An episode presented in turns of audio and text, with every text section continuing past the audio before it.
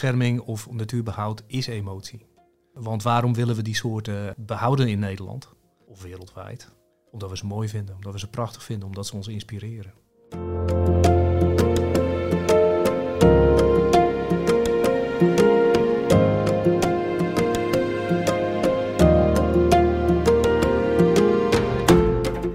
Welkom bij Toekomst voor Natuur, aflevering 1. Mijn naam is Antoni Stip en in deze podcast ga ik op zoek naar Toekomst voor Natuur. In deze eerste aflevering maken we een balans op van de natuurbescherming in de afgelopen 20 jaar, met speciale aandacht voor de rol van onderzoek daarin. En mijn gast is vandaag David Klein. David is hoogleraar plantenecologie en natuurbeheer aan de Wageningen Universiteit. Hij is ook bestuurslid voor de stichting Biodiversiteitsmonitor en praktiserend natuurbeheerder in Frankrijk. David, van harte welkom. Dankjewel, uh, Antoni. Leuk om hier te zijn. En om maar gelijk even met dat laatste te beginnen. Ik denk dat er niet zoveel hoogleraren zijn die praktiserend natuurbeheerder zijn. Wat doe jij dan zoal? Uh, ja, dan ben ik eigenlijk vooral aan het, aan het maaien, aan het zagen, aan het snoeien, aan het hakken. Want, want daar komt het toch vaak op neer uh, in het natuurbeheer. je kan natuurlijk ook niks doen, maar dan krijg je eentonig bos. Dat vind ik niet leuk, vinden andere mensen misschien wel leuk. Ik probeer een beetje soortrijk gras uh, te creëren op een stukje grond van iets meer dan een hectare in Midden-Frankrijk. Oké. Volgens mij verraadt het al heel veel van jouw natuurbeeld, maar daar komen we misschien eh, zo meteen nog verder op. Ik wil gelijk met een best wel grote vraag met de deur in huis vallen. En dat is de vraag, wat is natuur eigenlijk? En nou treft dat dat jij wetenschapper bent, je bent hoogleraar. Dus ik dacht, ja, die vraag moet ik echt aan een wetenschapper stellen, want die kan mij een definitie geven van wat is natuur. Ja, er zijn vele definities mogelijk, maar voor mij is natuur is een samenhangend web van soorten planten en dieren die op een bepaalde plek voorkomen als gevolg van de lokale omstandigheden. En hoort de mens daar wel of niet bij? Die hoort daarbij, wat mij betreft. En ook wat de mens uitvreet dus? En ook wat de mens uitvreet. En, en dat betekent dus dat we een bepaalde verantwoordelijkheid hebben. Ik kan ook moeilijk anders zeggen, want ik ben hoogleraar natuurbeheer. En natuurbeheer betekent dat je onderzoek doet aan het beheren van de natuur. Dus daar hoort de mens bij. Ja. Helder. Oké, okay, dat is uh, al een mooi, uh, een mooi startpunt, een vertrekpunt van dit gesprek. Dus de mens hoort er helemaal bij. Dan ben ik ook nieuwsgierig. Heb jij favoriete natuur? Uh, ja, dat is soortenrijk grasland. Soortenrijk grasland. En als je dat voor de luisteraars probeert te schetsen, hoe ziet het eruit? Wat zie je dan als je daar op een waarschijnlijk een mooie zomerdag of zo bent? Ja, absoluut. Dat is de beste tijd om in zo'n soortenrijk grasland aanwezig te zijn. Dat is een, een lage, open, structuurrijke vegetatie die vol staat met bloeiende planten. Niet zo'n zee als je wel ziet uh, op een boerenakker als die is ingezaaid. Maar wel gewoon uh, met kleur door het groen heen overal. En daar gonst het en daar zoemt het uh, en daar ratelt het van, van de beesten. En daar vliegen de vogels in en uit. En daar, daar ren je dan misschien ook wel eens met een vlindernetje rond om iets te vangen? Nooit rennen, hè? Oké, nee, nee, dat is waar. Rustig wandelend en, ja, en soms ook gewoon zonder netje. Gewoon heerlijk om te kijken wat er allemaal wat er groeit en wat er, wat er voorkomt, wat er vliegt. Ik vind het wel grappig, want ik had aan de ene kant ook wel verwacht dat hier een, uh, iets met een grutto zou komen. Dus dit is wel uh, mooi dat je het zegt. Nou ja, daar heb ik tussen zitten twijfelen. Kijk, ik kom uit de Zaanstreek. Dat is een, uh, een laagveengebied, vroeger hoogveen. maar dankzij de mens is dat laagveen geworden. Wat allemaal weer aangeeft dat, dat die mensen, die hoort er gewoon bij, die heeft overal invloed. Er is geen oorspronkelijke natuur meer op de aarde. Um, en die, die, die wijdse landschappen met bijna verdronken graslandjes, rietkragen, open water. Ja, dat vind ik natuurlijk ook fantastisch mooi. Ja, ik zie jou daar rondlopen. Um, ik wil om te beginnen met jou 20 of eigenlijk 21 jaar terug in de tijd, naar het jaar 2001. Dat was natuurlijk een jaar waarin ook de wereld opgeschrikt werd door terroristische aanslagen, maar er gebeurden ook allerlei andere dingen, waaronder een publicatie in het wetenschappelijke tijdschrift Nature, uh, die redelijk wat stof deed opwaaien in Nederland, in ieder geval in Nederland. En jij was daar de eerste auteur van. En de andere auteurs waren Frank Berendsen, toen hoogleraar op dezelfde leerstoelgroep als jij nu zit. Ja, het naampje is veranderd, maar verder, uh, verder niet. En Niels Gillissen, maar jij was de eerste auteur. Wat had je ontdekt? Vergeet Ruben Smit niet, hè? Oh, excuus. Ruben ja. Smit, ja. wij, wij deden onderzoek aan de effectiviteit van agrarisch natuurbeheer. En we doen in Nederland agrarisch natuurbeheer sinds 1985, als ik het goed heb. Toen zijn de eerste contracten afgesloten. Dus er was al een kleine twintig jaar agrarisch natuurbeheer. Uh, de overheid was heel hard bezig met het promoten, want de boeren die hadden er niet zo heel veel zin in. En wij hadden het idee om eens te kijken wat het nou opleverde. En, en het, de schokkende, uh, het schokkende nieuws was dat um, er niet meer natuur zat op die graslanden uh, met uh, grijs natuurbeheer, weidevogelpakketten vooral. Voor sommige soorten zelfs minder. Oké. Okay. En ik heb ook gezien dat het voor de zweefvliegen en de bijen was er wel wat meer te vinden, toch? Ja, dat was ontzettend grappig. Daar had niemand interesse in, niemand aandacht voor. Ja. Want het ging natuurlijk vooral om die weidevogels. Ja. En, en enigszins snap ik dat wel, want het waren weidevogelpakketten. Dus ze waren, ze waren bedoeld om die weidevogels te bevorderen. Maar het feit dat wij voor twee van de soortengroepen wel degelijk positieve effecten vonden, dat werd niet interessant genoeg gevonden. Okay. Terwijl als op dit moment, hè, als je zou vragen wat is nou belangrijk, dan zouden waarschijnlijk de meeste mensen zeggen van ja, we moeten die bijen bevorderen, want die bijen die zijn belangrijk voor ons als mens. Precies. En zo zie je dus dat ook natuurbeheer eigenlijk heel erg modegevoelig is. En dat datgene wat belangrijk gevonden wordt door mensen uh, aan verandering over, onderhevig is. Ja, en dat in relatief korte tijd, want we hebben het over twintig jaar geleden. Dus zo heel ja. lang op de schaal van natuur is dat nou ook weer niet. Nee, dat klopt. Ja. Dat klopt. Oké. Waar ik wel benieuwd naar ben, is die publicatie ook bepalend geweest voor jouw lijn van denken en jouw werk daarna? Niet zozeer mijn lijn van denken, maar natuurlijk wel mijn carrière. Ik bedoel, als je als jonge postdoc publiceert in Nature, dan, dan denken mensen wel van, hé, hey, die persoon kan wat. Ik denk dat het een belangrijke rol heeft gespeeld in het gehonoreerd krijgen van een EU-voorstel. Uh, vlak daarna, eigenlijk ja. op de dag van het uitkomen van het artikel, moest ik dat voorstel indienen bij, bij Brussel. Dus dat was een redelijk stressvolle periode. Ja. Want toen begon de telefoon opeens te rinkelen. Maar dankzij dat EU-project heb ik dus een groot netwerk gekregen in Europa. Heb ik uh, geleerd hoe je die EU-voorstellen het best kunt schrijven, gewoon ervaring opgedaan. Ja. En dat is nog steeds een hele belangrijke bron van uh, mijn onderzoeksfinanciering. Dus je plukt daar eigenlijk nog steeds de vruchten van? Ja, tot op zekere hoogte wel. Ja. ja. Ik heb wel eens van Frank Berendsen, toen dus jouw voorganger, zal ik maar zeggen, op, die, op diezelfde leerstoelgroep, heb ik van hem begrepen dat hij na die publicatie ook op het matje werd geroepen bij minister Kees Veerman. Klopt dat? Ja, je kan, dat je, je, kan, je kan zeggen van we zijn op het matje geroepen. Je kan ook zeggen we zijn dringend uitgenodigd om uh, een toelichting te geven op het ministerie. Maar dat klopt. Dus uh, Frank, en ik, Frank en ik zijn daar naartoe gegaan. En daar zat, als ik me goed herinner, iets van 15 man uh, tegenover ons aan de tafel. en we werden de hemd van het lijf gevra gevraagd. En, en, en, ze waren not amused, zoals onze buren zeggen. Maar goed, ik bedoel, dat hadden ze voor een deel aan zichzelf te danken. Want met name Frank was al herhaaldelijk naar het ministerie gegaan met de mededeling. Dit soort onderzoek moet een keer gebeuren. Ja. En zij hadden er geen oren naar. Zij hebben het onderzoek ook niet gefinancierd. Dat is gefinancierd vanuit een call vanuit NWO, hè, de Nederlandse onderzoeksfinancier. Okay. Ja.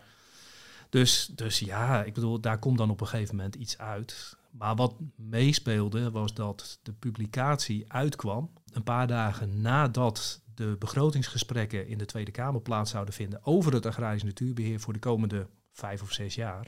Uh, en als gevolg daarvan, uh, omdat het natuurlijk al een beetje begon te gisten, heeft Nature het embargo gelicht op de publicatie. Kijk. En is die dus al voordat die vergadering plaatsvond, kwam die vrij. Dus heel veel mensen die hadden het idee van uh, daar, daar wordt een spelletje gespeeld, weet je. Dat, dat wordt van tevoren, is dat gewoon doorgestoken kaart. Ja. Hiermee proberen ze de boel te beïnvloeden, maar dat was natuurlijk absoluut niet het geval, want uh, we hadden geen enkele garantie dat Nature onze publicatie zou accepteren. Maar Nature was dus wel op de hoogte dat er uh, dingen op het spel stonden op de politieke agenda in Nederland. Nou, zoals dat werkt is dat uh, zo'n publicatie komt beschikbaar onder embargo. Ja. dan mogen journalisten er niet over schrijven tot het moment dat de publicatie gepubliceerd wordt. Dat is meestal op een donderdag bij Nature. Uh, ik geloof dat het gesprek voor dinsdag gepland stond. De journalisten kregen dus die paper al te zien. En die, die namen contact op met het tijdschrift. En die zegden... Maar dit is super relevant voor de politiek op dit moment. Ja. Uh, kunnen we daar niet wat aan doen? En Nature is natuurlijk ook niet dom. Die denkt, daar krijgen we veel meer uh, aandacht door... dan gewoon wachten tot na dat overleg. Ja, ja oké. Okay. Want in ja, volgens mij diezelfde maand, uh, minister Veerman die uh, besloot het jaarlijkse budget voor de ecologische hoofdstructuur, dat heet tegenwoordig de, het Nationaal Natuurnetwerk Nederland, om dat te verlagen van een jaarlijkse bijdrage van 161 miljoen naar 72 miljoen per jaar. En zijn redenering was, ja, boeren kunnen meer aan een grijs natuurbeheer doen, dus de overheid hoeft minder grond aan te kopen. Terwijl, ja, jullie hadden eigenlijk net laten zien dat dat agrarisch natuurbeheer ook weer niet zo heel effectief was. Hoe is dat dan voor jou of voor jullie op zo'n moment om dan te horen hoe de politiek daarmee omgaat? Nou ja, dat is natuurlijk teleurstellend. En, en zeker destijds, hè, toen, toen, toen was ik nog, wat zullen we zeggen, uh, wat, uh, wat idealistischer. Toen had ik nog wat meer het idee dat uh, als je goed onderzoek deed, dat er dan naar je geluisterd zou worden. En ondertussen weet ik natuurlijk ook wel dat, dat wij maar één partij zijn in zo'n hele schakel. Die een ministerie beïnvloeden of proberen te beïnvloeden. Ja. Daar zijn een heleboel andere partijen en die hebben hun eigen belangen. Dus, dus ik, ik vind dat niet leuk, maar ik accepteer het tegenwoordig wel. Dat is onderdeel van, van het leven in een democratie. Ja. En gelukkig doen we dat nog.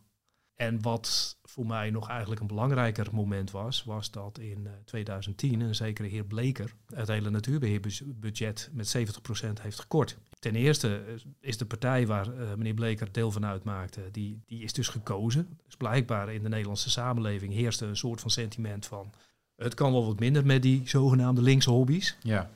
En ten tweede, toen die 70% korting eroverheen kwam, toen kwam er geen protest uit de Nederlandse maatschappij. Dus voor mij gaf dat eigenlijk een beetje aan dat wij als natuurbeheerders eh, niet heel erg goed bezig waren. En eh, ik ben geen natuurbeheerder, ik ben natuurbeheersonderzoeker natuurlijk. Maar, maar ik hoor bij datzelfde wereldje. Dus, dus wij hebben vergeten, denk ik, de samenleving mee te nemen. In wat we belangrijk vinden. En, en vandaar dat ik het ook zo leuk vind dat jij nu met deze podcast bezig bent. Want dit is een manier waarop je dat wel doet. Ja.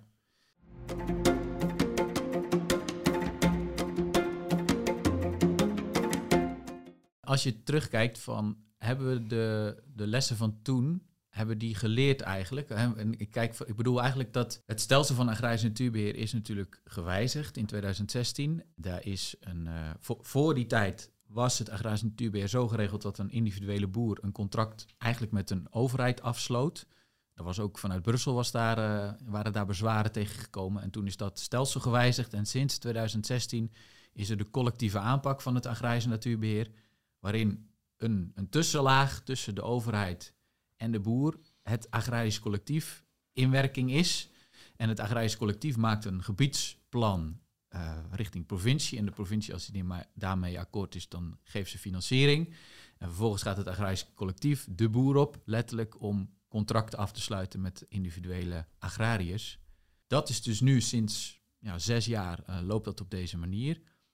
Vind jij dat de lessen van toen voldoende verwerkt zijn in het stelsel zoals dat, zoals dat nu opereert en actief is. In aanloop naar die wijziging hè, ben, ben, ik gevraagd om een achtergrondsrapport te schrijven uh, over, over het agrarisch natuurbeheer, wat dat heeft opgeleverd. Dat was voor de Raad voor de Leefomgeving? Ja, ja uh, daar is, dat is uiteindelijk verwerkt, hè, uh, dat achtergrondsrapport, samen met nog een aantal andere achtergrondsrapporten in het rapport Onbeperkt Houdbaar. Ja. Um, tot mijn verbazing uh, heeft de, de, toenmalige uh, minister van uh, eh, LNV, die heeft dat eigenlijk onverkort overgenomen. En eh, een aantal van die adviezen, dat was dus bijvoorbeeld, neem de maatregelen op de, in de gebieden waar, waar nog wat te halen valt, waar nog wat natuur voorkomt. Ja. Doe het in aansluiting op de natuurreservaten, want dan versterkt het elkaar. Helaas is toen ook de verantwoordelijkheid voor natuurbescherming overgeheveld naar de provincies. Ik denk dat dat geen goede ontwikkeling is. Niet omdat ik niet denk dat in de provincies het niet kunnen, maar ik denk dat natuurbeheer gebaat is bij regie. Op nationaal niveau, we zijn al een klein land. Eh, waarom moet je dat dan nog weer eens delegeren? Die provincies die hadden totaal geen ervaring met agrarisch natuurbeheer. Dus die, die hebben eerst nog alles moeten uitvinden. Toen was ook nog de omschakeling naar, naar de collectieven, wat nieuw was. Dus die hadden twee uitdagingen. En daar is gewoon zo verschrikkelijk veel tijd en energie mee verloren gegaan dat de collectieven eigenlijk de eerste zes jaar hebben gebruikt om te leren. snap ik. Ja. Maar de natuur blijft dan gewoon achteruit gaan. En er is nog een ander ding wat speelt en dat is dat uh, agrarisch natuurbeheer blijft vrijwillig op vrijwillige basis. En dat betekent dat die collectieven ook worstelen met het vinden van voldoende boeren die gemotiveerd zijn om echt wat aan natuurbeheer te doen op hun bedrijf. Mhm. En je zag dat in de discussies tussen de collectieven en de verschillende provincies. Die zeiden van we hebben deze pot met geld gekregen. Uh, we hebben dus geld voor zoveel boeren, maar we kunnen er maar zoveel vinden in het gebied waar we die dingen mogen afsluiten, omdat daar de beste kansen voor natuurbeheer liggen. Ja. En dus zijn die gebieden heel vaak opgerekt. En zijn we toch weer die, die delen van het landschap ingegaan, waar het waarschijnlijk gewoon niet zo effectief is, omdat daar dan wel een paar boeren zitten die geïnteresseerd zijn. Oké. Dus vooral dat, dat oprekken van die kerngebieden, want daar heb je het dan over. Daar zeg je van, van dat is eigenlijk geen verstandige keuze als je kijkt naar het resultaat voor natuur. Nee, dat denk ik. Ik denk dat dat gewoon eh, zeg maar je, de effectiviteit van, van het budget wat je kan inzetten voor natuurbeheer vermindert. Inmiddels zijn we dus twintig jaar verder. Er is een hele hoop gebeurd. Hè? Eh, ook decentralisatie van het natuurbeleid naar de provincies. Waar staan we naar jouw idee op dit moment in de natuurbescherming? In Nederland heb ik het dan even specifiek over. Ik denk dat we op een, op een potentieel kantelpunt staan. Ik denk dat het hier naar twee kanten op kan gaan. Het kan of beter worden of slechter worden. ik, zie, ik zie niet zo heel veel. Ik denk niet dat het op hetzelfde niveau blijft. Hè? Want wat je, je kan anders zeggen van ja, dat is een beetje alles wat kan. Ik denk dat initiatieven zoals het Deltaplan Biodiversiteitsherstel, die kunnen echt verschil gaan maken. Je merkt dat er nu energie is, dat, dat mensen echt actief daarmee aan de slag gaan. Dat er meer aandacht is voor biodiversiteit. Hè. Je kan tegenwoordig eigenlijk geen krant meer openslaan of je leest wel een keer over biodiversiteit ergens. Ehm, en dat is een groot verschil met, met 7, 8 jaar geleden. Uh, toen werd er nooit over gepraat. Het heeft wat mij betreft nog te weinig aandacht uh, in de nationale politiek. Als, als je praat over stikstof, dan denken de meeste mensen over de problemen die het oplevert voor infrastructuur en bouwen en weet ik veel wat. Ja. En ze denken niet waarom we die stikstofproblematiek hebben, namelijk dat het zo verschrikkelijk slecht gaat met de natuur. Ja. Dus daar is nog winst te behalen. Wat, wat een hele belangrijke ontwikkeling is, is dat we nu met het merendeel van de mensen toch het idee hebben van je moet niet alleen natuurbeheer in die natuurreservaten doen, maar je moet dat echt in dat hele landschap, moet je dat integraal aanvliegen. Ja. Dus, eh, dus eh, de maatregelen die je neemt in de of in de, in de natuurreservaten, die moeten aansluiten op datgene wat je doet in de openbare ruimte. Dus de wegbermen en de slootkanten en, uh, en, en, en, de openbare ruimte in, in de dorpen en steden. En dat moet weer aansluiten op datgene wat er gebeurt op boerenland. En een andere heel belangrijke is dat er steeds meer erkenning komt voor het feit dat als wij dingen vragen van boeren om duurzamer te telen of, of maatregelen te nemen voor biodiversiteit, dat daar gewoon een redelijke beloning tegenover moet staan. Ja. En idealiter, ik denk dat dat echt de, de weg voor, uh, voorwaarts is, waarmee je het echte verschil uh, kan maken. Eigenlijk moet het boeren geld opleveren. Het moet een verdienmodel worden. Boeren moeten denken van, ik ga dat natuurvriendelijk doen, want daarmee kan ik meer verdienen dan op de traditionele manier van gewoon maar intensiveren en zo. Ja. Dus als als die ontwikkelingen zich doorzetten en elkaar gaan versterken, dan denk ik dat we toe kunnen naar een, een, land waar we weer meer biodiversiteit krijgen. Toch zijn er ook mensen die zeggen, zodra biodiversiteit onderdeel wordt van een verdienmodel, dan ga je eigenlijk natuur instrumentaliseren, monet monetariseren. Um, en daar zit ook een gevaar in. Dat, dat is zo. Ja, er is sociaal-wetenschappelijk onderzoek gedaan die, die dat uitwijst. En hoe gaan we dan, dan daar op een goede manier mee om? Nou, kijk, ik denk dat je, je hebt altijd een, een 10% van de bevolking die inherent geïnteresseerd is in biodiversiteit. En, en die doet het voor die, voor die intrinsieke waarden en in, in, intrinsieke motivatie en gewoon omdat ze het leuk vinden. Maar om die 90%, hè, de rest uh, van de bevolking, mee te krijgen, heb je volgens mij dit nodig. We hebben het natuurlijk de afgelopen 120 jaar hebben we het op de klassieke manier geprobeerd. Dat is zo. En het werkt niet. Nee. Nou ja, laat ik, dat moet ik nuanceren. Het werkt, maar onvoldoende om de achteruitgang te stoppen. Want zonder die inspanningen hadden we nu waarschijnlijk helemaal geen natuur meer gehad. He, zonder de, de Jacques P. En, en de Elie Heijmans en zo. Ja. Je hebt als onderzoeker bij Alterra, toen heette dat nog zo, tegenwoordig heet dat Wageningen Environmental Research. Maar daar heb je lang gewerkt. Heb je aan allerlei onderwerpen in de natuur gewerkt ganzen, weidevogels, bestuivers, waar ook veel maatschappelijk over te doen was. Het zijn thema's die telkens weer ook terugkomen. Als je de kranten en het journaal aanzet, dan elke keer weer gaat het over, over diezelfde dingen. En er zijn ook heftige discussies over, maatschappelijk en politiek. Waarom denk je dat er zoveel emotie bij komt kijken bij zulke onderwerpen? Bijvoorbeeld weidevogels en predatie, om maar eens even een knuppel in het hoenderok te gooien. Uh, dat is heel simpel. Uh, natuurbescherming of natuurbehoud is emotie. Want waarom willen we die soorten behouden in Nederland of wereldwijd? Omdat we ze mooi vinden, omdat we ze prachtig vinden, omdat ze ons inspireren. Dat, is, dat is allemaal emotie, dat is allemaal subjectief. Het is niet zo dat we dat doen omdat we daar, uh, weet ik veel wat, meer geld mee gaan verdienen. En dat, dat, betekent dus dat bepaalde mensen die, die, die worden blij van iets. Uh, andere mensen die hebben daar dan misschien last van, vinden zij. Denk aan de bever. Dat is een heel mooi voorbeeld. Ik vind het fantastisch dat die soort weer terug is. Je kan er een uh, hele betoog over opbouwen hoe belangrijk die soort is voor ecosystemen. En hoeveel andere soorten daarvan afhankelijk zijn. En hoe goed het is voor het watervasthoudend vermogen in het landschap. Maar als een bever ervoor zorgt dat jouw achtertuin onder water komt te staan, of eh, jij hebt net 25 prachtig kleine knotwilletjes uh, aangeschaft en er komt een bever langs en in één nacht zijn er 15 omgeknaagd, ja. dan denk je er anders over. En dat is emotie. Maar vervolgens zie je een respons bij een waterschap bijvoorbeeld wel. Een waterschap Limburg die ook wel weer maatregelen tegen bevers neemt. Ik denk dan, wat, waar zijn we eigenlijk mee bezig? Aan de ene kant zijn ze jaren geleden ooit uitgezet om weer nou ja, uh, geherintroduceerd in Nederland. En ook die systemen weer uh, en die processen die daarachter zitten weer een, een, een, nieuwe kans te geven. En als het eenmaal, als ze gevestigd zijn, zie je ook weer een tegenreactie opkomen. waar zijn we dan mee bezig? Nou ja, ik denk dat we proberen natuur te beheren zo goed en zo kwaad als dat kan in een landje met 17 miljoen inwoners, die allemaal, nou ja, gemiddeld genomen, allemaal rijk zijn en heel veel dingen willen in dat landschap. En dan krijg je dit soort dingen. En dat verklaart ook een beetje waarom ik aan al die controversiële onderwerpen heb gewerkt uh, bij Alterra. Want dat soort instituten die krijgen de opdracht om onderzoek te doen aan soorten die, die ofwel het niet goed doen, ofwel het te goed doen. Ja. Denk aan de grauwe gans bijvoorbeeld. Je kunt vinden van de grauwe gans wat je wil, maar als jij in een vliegtuig zit en, en er vliegt de grauwe gans in je motor, dan ben je niet zo blij dat die de grauwe gans daar was op dat moment. Nee.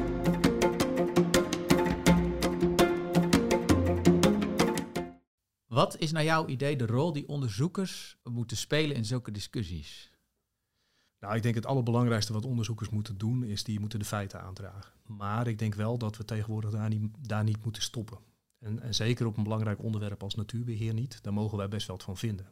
Want, want als wij er niks van vinden, wij die verstand van zaken hebben, wie moet er dan wel wat van vinden? Om maar eens een voorbeeldje te noemen, uh, er zijn maar heel weinig mensen in Nederland die de verschillende soorten bijen die in Nederland voorkomen uit elkaar kunnen houden. Ja. Hè, laten dat er twintig zijn. Dan heb je het wel een beetje gehad. Wij doen daar onderzoek aan. Samen met veel van die mensen die, die dan vaak ook nog eens een keer die bijen voor ons determineren. Ik vind dat wij dan op een gegeven moment moeten zeggen van hé, hey, ze gaan achteruit en dat is geen goede ontwikkeling. Dat, dat, zijn dat is een twee, waardeoordeel. Dat is een waardeoordeel. Hè? Dus wij kunnen ook gewoon zeggen van hé, hey, ze gaan achteruit. Hier, overheid, doe er maar wat mee. Wij hebben geconstateerd dat. En dat komt hierdoor. Oh, overheid, aan jullie. Ik denk niet dat dat goed is. Ik denk dat wij daar, daar een stelling in mogen nemen. Maar ik denk dat het heel belangrijk is dat wij als onderzoekers stelling nemen op basis van feiten. En dus ook gewoon zeggen van, nou ja, wij hebben dit en dit en dit geconstateerd. En ik vind, en dan, ga je, dan doe je de overstap naar je mening. En ik vind dat dat geen goede ontwikkeling is. Ik vind dat er actie ondernomen moet worden. Dat doe je al ruim 20 jaar. Je hebt ook eerder gezegd van, dat werkt niet altijd. Nee. Hoe ga je daarmee om? Door uh, lekker zelf aan de pielen te zijn uh, op het terreintje in Midden-Frankrijk. Uh, maar... Dat klinkt ook een beetje als een struisvogel die zijn kop in het zand steekt. Of ja, niet? maar af en toe heb je dat ook nodig als okay. mens. Weet je? je kan niet continu aan een onderwerp blijven werken waarvan je gewoon ziet, het, zien er ogen achteruit ziet rollen. Ja. Um, en, en, en dan maar vrolijk elke dag weer naar je werk gaan. Maar een, een, een ander iets is dat ik op een gegeven moment ook besloten heb om zelf dan maar actie te ondernemen om het te doen op een manier waarvan ik denk dat het wel kan. Vertel. Nou, ik heb samen met, uh, met Ivo Raamakers, um, een van de, de grote bijen-experts in Nederland, uh, en Harm Korsen, de coördinator van een van de collectieven die we hebben, ja. collectief uh, Natuurrijk Limburg, heb ik het initiatief genomen om in Zuid-Limburg, in het Guldal, tussen Valkenburg en, en Gulpen, te proberen dat hele landschap weer geschikt te maken voor in eerste instantie wilde bijen. Maar uiteindelijk hopen we natuurlijk dat, dat, dat alle andere biodiversiteit daar ook op meelift. En dat doen we samen met een heleboel stakeholders daar. Dus de, de twee gemeenten die daar actief zijn, het waterschap, eh, waterleidingmaatschappij, de drie natuurbeschermingsorganisaties, Natuurrijk Limburg en nog een stichting die daar actief is. Limburg bloeit op. Ja. En dat is, dat is super leerzaam, eh, super spannend, eh, heel weerbarstig. En het begint nu zo langzamerhand de eerste positieve resultaten te laten zien. En die zijn? Nou, we zien een voorzichtige toename van. Uh, we zijn pas twee jaar bezig met maatregelen. Hè. We zien een voorzichtige toename van, van, van bloemen en bijen op de locaties waar we bezig zijn.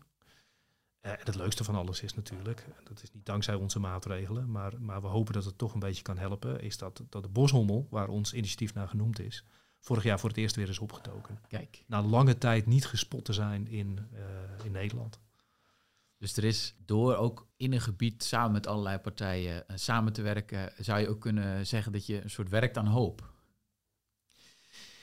Ik denk dat dat heel belangrijk is. Je merkt dat ook wel een beetje aan de mensen uh, met wie ik erover praat. Dat, weet je, die worden daar ook weer enthousiast van. Oh, kijk, leuk. Oh, dat, moet, dat, dat, dat, dat, moeten wij ook gaan doen of zo. Je doet het gewoon echt samen. Hè? Ja.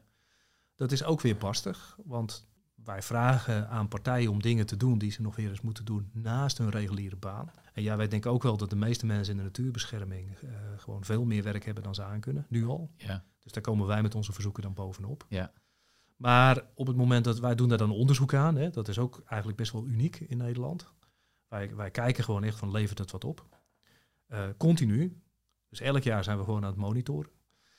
En, en dat versterkt elkaar. Dus dan zien mensen van, van oh god, een leuke soort op mijn terrein ontdekt. Oh, kom op, zet er even een tandje bij. Die wil ik ook hebben.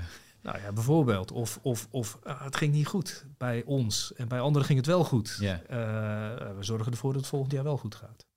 En het feit dat je dus continu daar rondloopt, dat er dus een paar extra ogen in het landschap zijn, dat, dat zorgt er ook voor dat je dus ziet wat er goed gaat en ziet wat er minder goed gaat. En, en dus kunt bijsturen.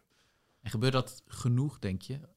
niet zozeer in jullie initiatief, maar meer in de breedte eh, van. Nee, ik denk dat dat een van de redenen is waarom het ook in veel natuurgebieden gewoon uh, onvoldoende goed gaat. En dat is gewoon omdat uh, de natuurbescherming sterk onderbemenst is. Er zijn een, een, paar mensen, een paar beheerders, en die moeten gewoon nou, soms wel 40, 50 gebieden aansturen. Ja. Je kan alleen maar een gebied goed aansturen als je er regelmatig komt, als je ziet wat er gebeurt. Dan maak ik toch wel even het bruggetje naar wat we eerder in het gesprek constateerden, namelijk dat in 2010 die bezuiniging van 70% er kwam door staatssecretaris Bleker. Die budgetten zijn dus enorm onder druk gezet. Dat is denk ik ook wel een belangrijke reden waardoor die onderbemensing op dit moment speelt. Of zijn er ook andere zaken die een rol spelen naar jouw idee? Nou, dat speelt zeker. Uh, ja, ik bedoel, uh, als je meer geld hebt kun je meer mensen aannemen. Uh, maar een ander iets wat speelt is dat uh, natuurbeheerders steeds meer dingen naast het beheren van de natuur zijn moeten gaan doen. En dat is een logische ontwikkeling. Maar bijvoorbeeld er moet steeds meer gepraat worden met de mensen in de omgeving. Ja. Want als jij een keer besluit uh, als natuurbeheerder dat jij een paar fijnsparren om wil zagen om daar weer heide terug te krijgen. En je doet dat gewoon, dan heb je de pop aan het dansen. Dus om dat voor te zijn, hè, de, we moeten er tegenwoordig gewoon uitge, uitgebreid inspraakprocedures en weet ik veel wat allemaal nog meer.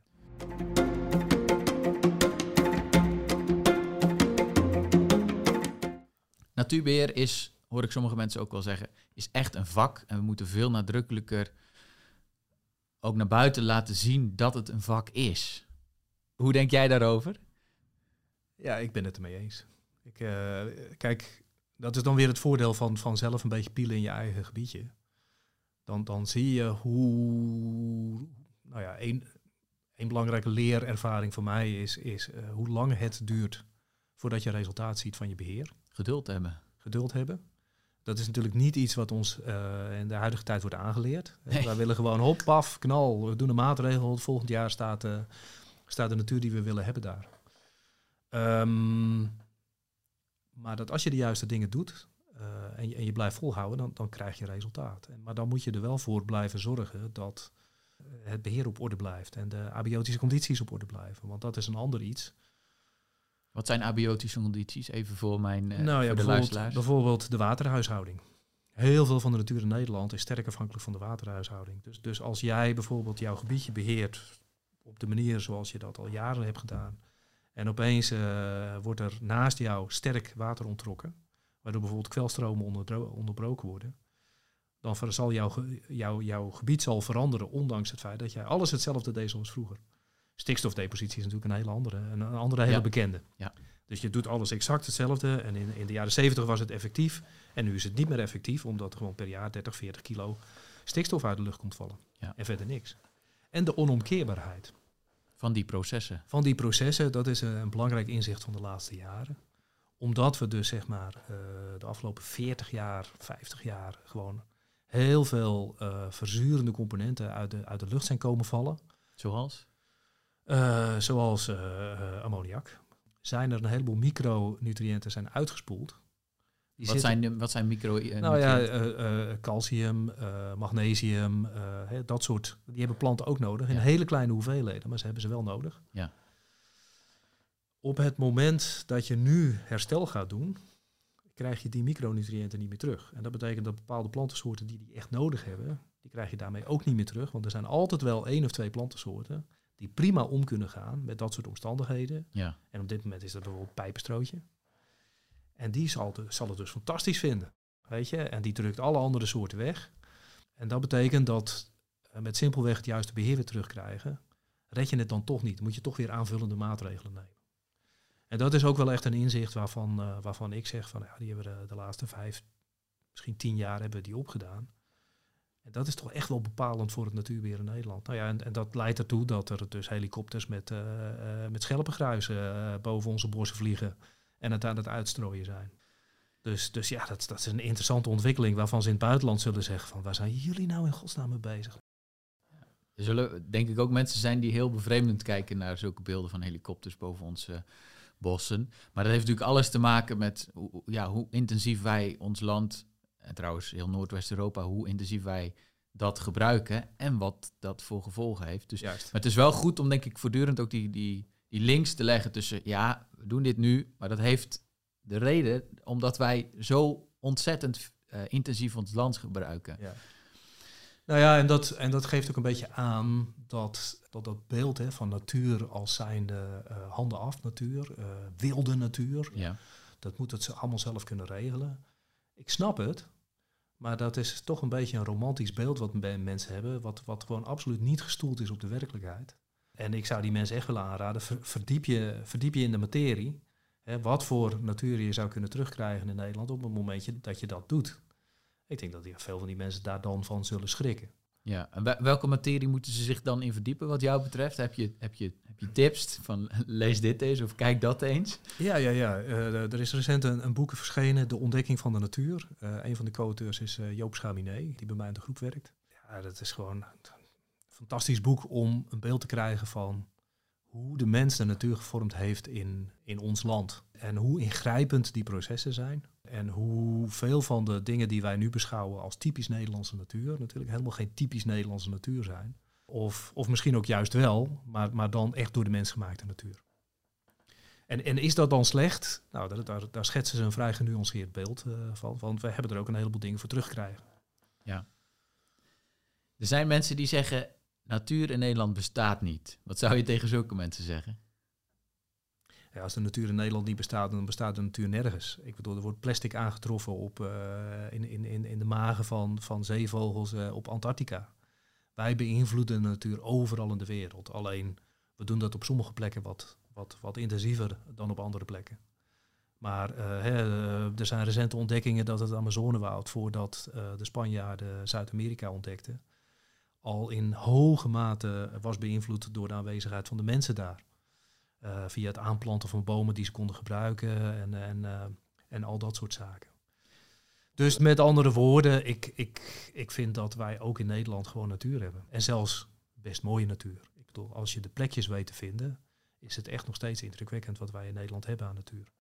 Um, nog één vraag over, over dit, dit aspect, namelijk hoe staat Nederland inter internationaal op de kaart als het gaat om natuurbescherming? Je, je gaf eerder aan van ik heb een groot Europees netwerk uh, gekregen, ook dankzij al het onderzoek wat ik doe. Dus je weet in ieder geval hoe onderzoekers uh, kijken naar Nederland, of in, gesprekken vermoed ik dat dat wel eens aan de orde komt. Hoe staat Nederland op de kaart internationaal qua natuurbescherming? Tweeledig. enerzijds staan we bekend als het vieste jongetje van de klas. En ik denk met reden. Uh, er wordt wel eens gekscherend gezegd dat je kunt voorspellen hoeveel biodiversiteit ergens uh, voorkomt. Uh, door de afstand tot Nederland te bepalen. um, anderzijds, heel veel van de oplossingsrichting. Kijk, kijk, de rest van Europa gaat Nederland achterna. Hè? qua intensiteit van de landbouw, qua bevolkingsdruk, dat soort zaken. Dat exporteren we ook met verven. Ja, dat wordt hopelijk wel ietsje minder. Onder andere vanuit de Wageningen Universiteit wordt dat natuurlijk al heel lang gepropageerd. Van, jongens, dat is wel een exportproduct, ja. ja. Maar, maar, maar denk nou niet dat andere mensen in andere landen andere ideeën hebben over, over hoe het moet. Hè? Uh, ook daar uh, hoor je mensen zeggen van, we moeten de wereld voeden en, en, en dus moeten we zoveel mogelijk uit de nectare peuren. Ja. Maar wat wel interessant is, is omdat wij, wij zijn natuurlijk ook al heel lang, heel intensief met het natuurbeheersvraagstuk bezig. Van, van hoe kun je dat combineren? Uh, hè, enerzijds al die andere ruimtegebruik vragen van mensen, maar ook natuur nog blijven beschermen. En dan zie je dat we verschrikkelijk voorlopen met een heleboel van onze verlossingsrichtingen. We zijn er nog niet, hè? Nee. Maar, maar bijvoorbeeld dat collectief aanpakken van agrarisch natuurbeheer, daar is de Europese Unie bijvoorbeeld is daar super geïnteresseerd in. Die zien dat echt als een oplossing. Wij zien ondertussen daar ook alweer de beperkingen van. De mitsen en maren. Maar, maar in, in Europa is het nog echt van, ja, we moeten het collectief gaan doen en dan wordt het allemaal effectief. Ja. En wij zijn dat aan het doen. Ja. En, en realiseer je dan ook hoe het woord collectief in Oost-Europa beleefd wordt? En ik denk dat daar ook nog wel enige uit de Sovjet-tijd enige gedachten bij leven over dingen die collectief aangepakt worden. Ja, oké, wij noemen het collectief. In Europa noemen ze het collaborative approaches. Oké. dat... dat... klinkt alweer een stuk vriendelijker, hè? Precies, ja. ja.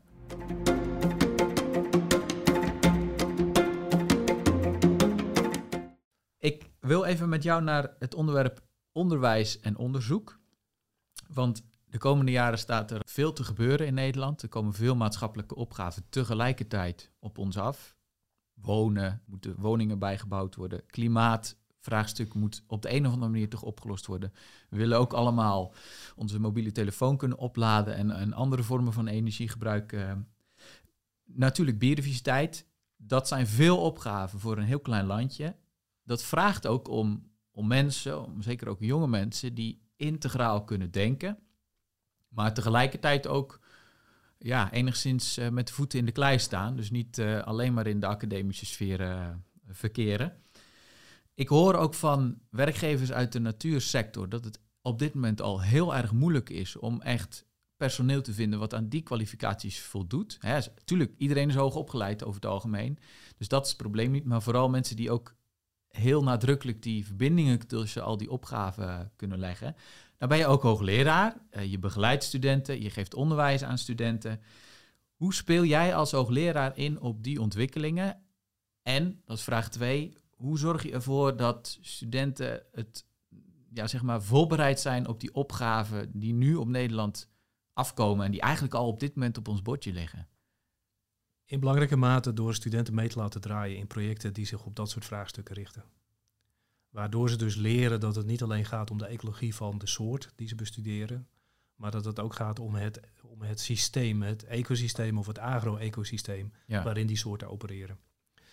Um, ik denk dat het een brug te ver is om, om te zeggen van wij gaan onze studenten opleiden voor dat hele brede spectrum en al die dingen die ze, die ze later in hun, in hun bestaan gaan tegenkomen. Want ik denk dat je dan een soort van managers praatmensen krijgen die gewoon, hè, zoals jij het uh, zo mooi zei, niet meer weten wat het is om met hun laarzen in de klei te staan. Ja. En ik denk dat dat wel heel erg belangrijk is. Ik denk ook wel een beetje dat wij op dit moment de neiging hebben om te ver door te slaan in onze poging om alles integraal aan te vliegen. Mhm. Tegenwoordig zijn we niet meer geïnteresseerd in oplossingen, we zijn geïnteresseerd in oplossingen voor alles.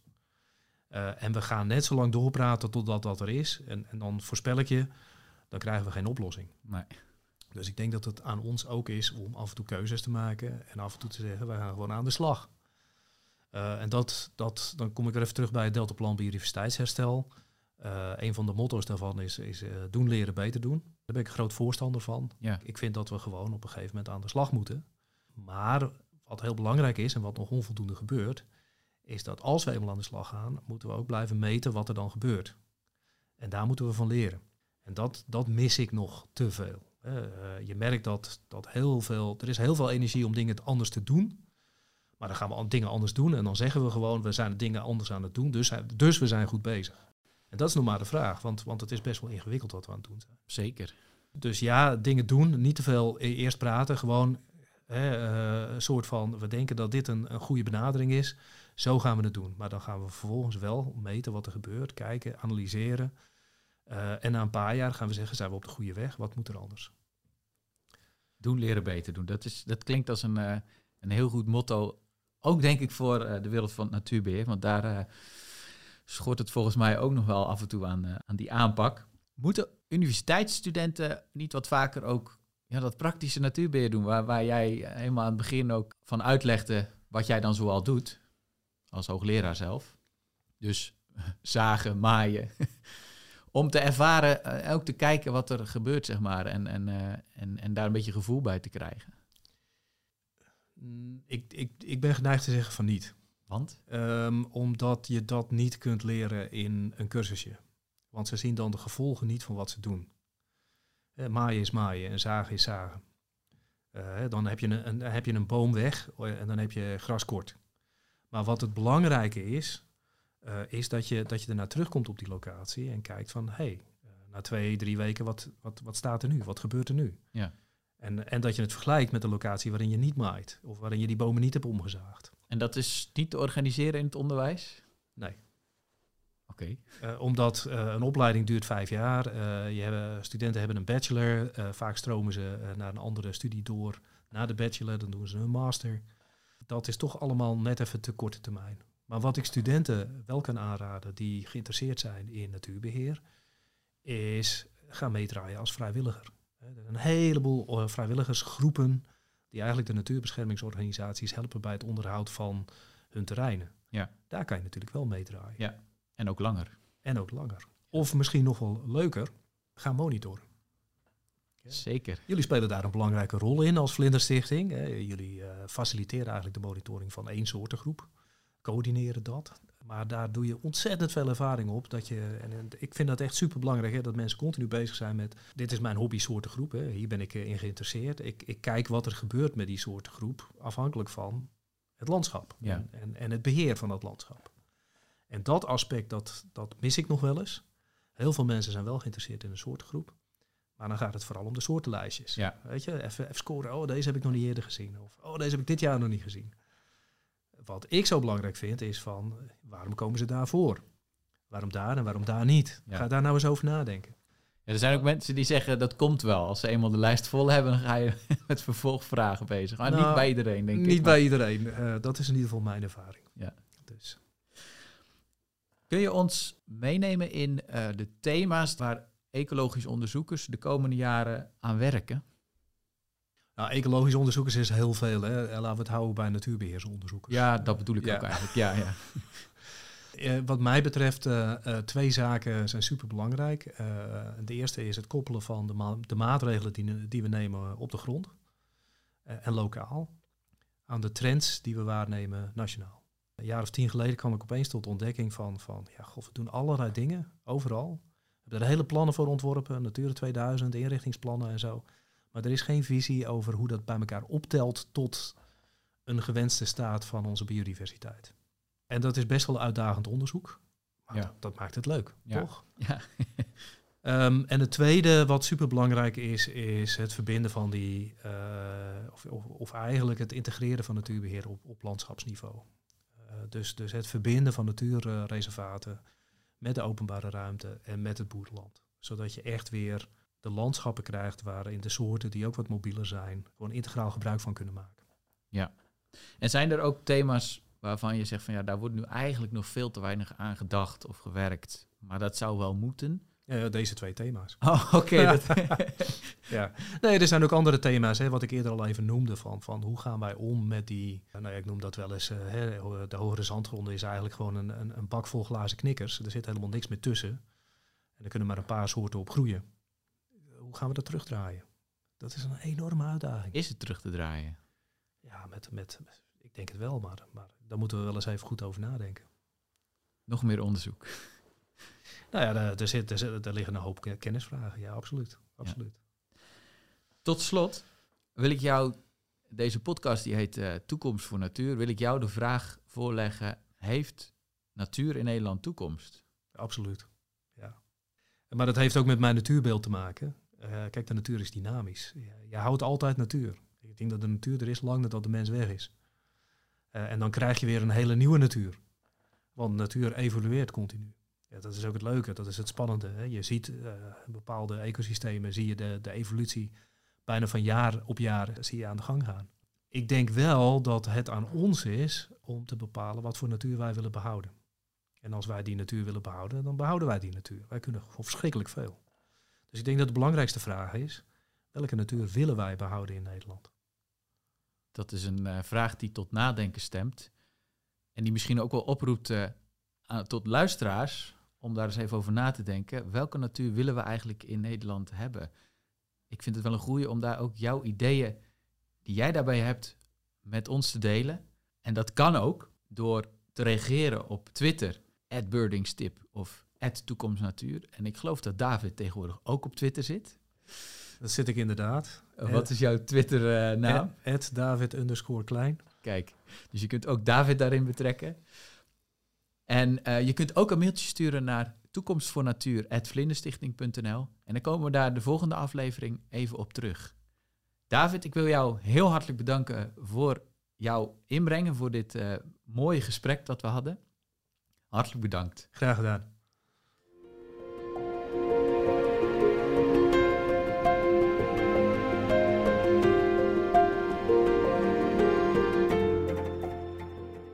Zo, dit was aflevering 1 van Toekomst voor Natuur.